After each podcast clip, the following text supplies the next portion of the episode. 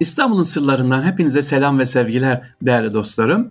İstanbul'un sırlarında şimdi de sizlere suya yatırım yapan bir zatı anlatacağım. Evet İstanbul'da suya yatırım yapıyor, çeşmeler yapıyor. İstanbul'un suya kanmasını daha doğrusu sokakların çeşmelerle donatılmasını sağlayan birinden bahsedeceğim efendim. Kimmiş bu zat? Ee, sevgili dostlar onlardan bahsedelim. İstanbul'un sırlarındayız sevgiliciler. Yine anlatıyoruz inşallah. Değerli dostlar bazen öyle oluyor ki oturduğumuz sokakta bir çeşmenin hikayesini göremeyebiliyorsun. Şimdi anlatacağım çeşme benim yıllardır gözümün önünde duran böyle eski yıkılmamış hatta tuğlalı dediğim yani siz zannedersiniz ki çeşmeye şöyle bir bakın hadi 10-15 yıllık 30 yıllık çeşme dersiniz ama bir tarihine baktım araştırdığım zaman sevgiliciler dediğim gibi 5 yıldır önünden geçip gidiyorum ama Ebazade çeşmesini bir türlü görmemişim. Evet bugün size Ebazade çeşmesini anlatacağım. Suya yatırım yapan ama suda boğulan e, Ebazade'yi anlatacağım. Ne demek istedim? Suya yatırım yaptı, suda boğuldu. Nasıl yani? Hadi dinleyelim inşallah. Dedim ya bakmışım ama görmemişim. Hep önünden geçtim Ebazade çeşmesinin bilmiyormuşum Ebazade olduğunu. Sıradan eski bir çeşme. Yıkılmaya yüz, yüz tutmuş dersiniz ama karşısında bir zamanlar cami olduğunu bile bilmiyordum. Şu anda oradaki bir bina yıkılınca aa meğersem orası sevgili dinciler cami arsasıymış ve caminin de parçaları çıktı temelden. Şu anda Ebazade Çeşmesi'nin karşısına da bu Fatih'te Ali Kuşçu Mahallesi Yavuz Selim Caddesi'nde inşallah yapılacak. İşte bu çeşmenin hikayesi. Bu çeşme yaptıran kişinin suyu çok seviyor. Bunu anlatmıştım programa girerken. Bol bol çeşme yaptırması ama sonunda vefatının suda olması. İşte bu hikayeyi öğrenince sizinle paylaşayım dedim. Ha, bu arada Ebezade ne demek? Onun da hikayesi var anlatalım.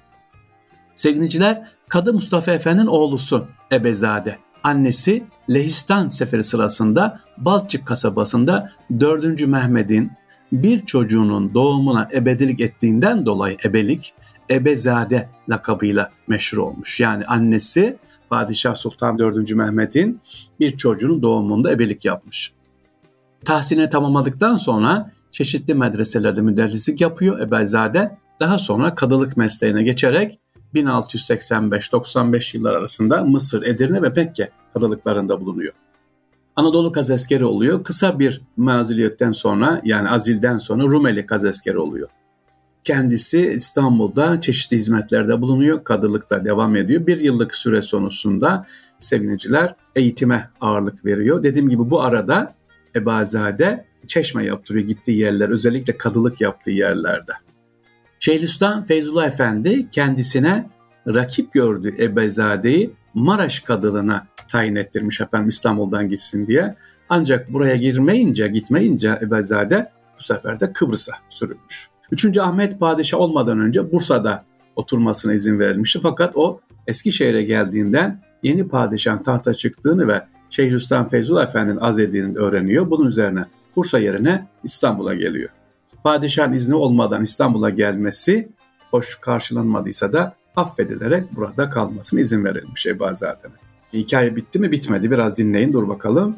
1705'te tekrar Rumeli Kazeskeri oluyor ve Şeyhülislam'la tayin ediliyor kendisi. Bu görev iki buçuk yıl kaldıktan sonra 16 Temmuz 1710'da e, azlediliyor görevden.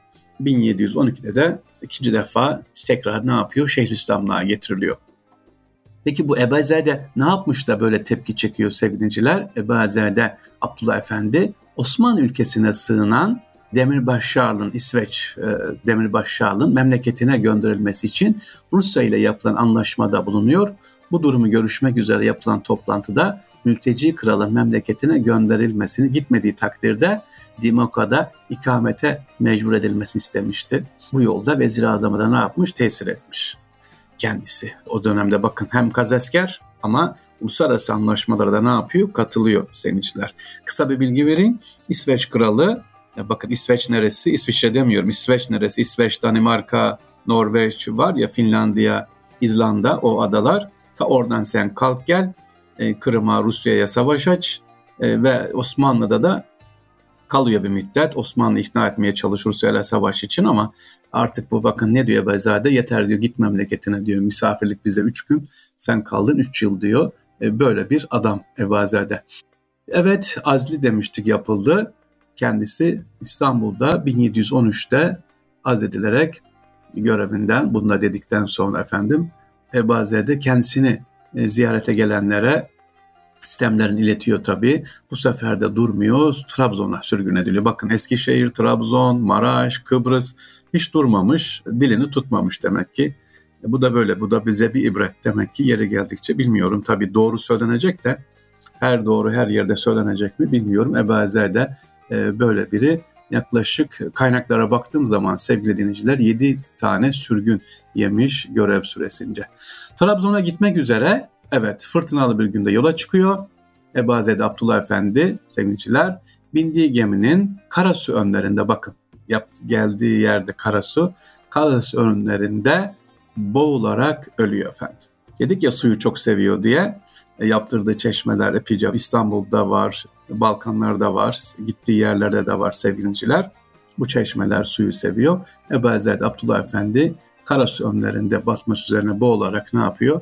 vefat ediyor. Allah rahmet etsin diyoruz efendim kendisine. Evet size ne anlattık İstanbul'un sırlarında?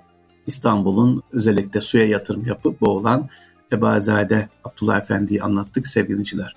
Değerli dinleyicilerimiz İstanbul'un sırlarında Ebazade Abdullah Efendi dinledik. Hemen burnumuzun dibinde çeşmesi var. Ee, Yavuz Selim Caddesi üzerinde Yavuz Selim Camii'ne giderken solda inşallah oraya da yeni yapılıyor böyle tarihi bir cami. Yani binaymış. Bu da ilginç. Eskiden e, üstüne bina yıkılınca bakmışlar ki cami kalıntıları tekrar cami yapılıyor. Evet değerli dinleyicilerimiz okullar tatil oldu. Gençlerimiz İstanbul'da ne yapıyorlar? Çok şükür eskisi gibi değil artık. Bir plan, bir program var, geziyorlar. En çok hoşuma giden kütüphanelerin dolu olması. Yani diyorum ki sevgili muhtar adayları hani şu anda var ya ee, yok siyaset yapmayacağım merak etmeyin. Hayır hayır ee, benim programım siyaset ilgili değil. Muhtar adayları mahallelerinde böyle varsa yerler kütüphane için e, muhtar kardeşlerimiz, e, büyüklerimiz e, kütüphane çünkü çok ihtiyaç var şu anda bulundukları yerlerde. Diye çocuklarımız üniversiteye çalışıyorlar, işte lise imtihanlarına çalışıyorlar, girecekler Anadolu liselerine. Böyle yerler varsa bunlara gayret etsinler. Mahallelerinde hiç olmazsa bir kütüphane açılırsa sevgiliciler bu çocuklarımız. Çünkü görüyorum Fatih'te, Üsküdar'da kuyruk var. Hani geceden girenler var. Ee, özellikle Vatan Caddesi'nde üç kütüphane var. Bizzat gidip gördüm. Geceden kuyruğa girmişler. Allah razı olsun. Demek ki okunuyor. Ha ders çalışıyorlar. Olsun. Evde oturup da Instagram'la uğraşmıyor ya. Ee, işte büyüklerimizden, değerli idarecilerimizden daha çok kütüphane nasıl açılabiliriz? Bunun telaşına bakalım inşallah. Hepinize teşekkür ederim efendim. Allah'a emanet olunuz. Kolay gelsin.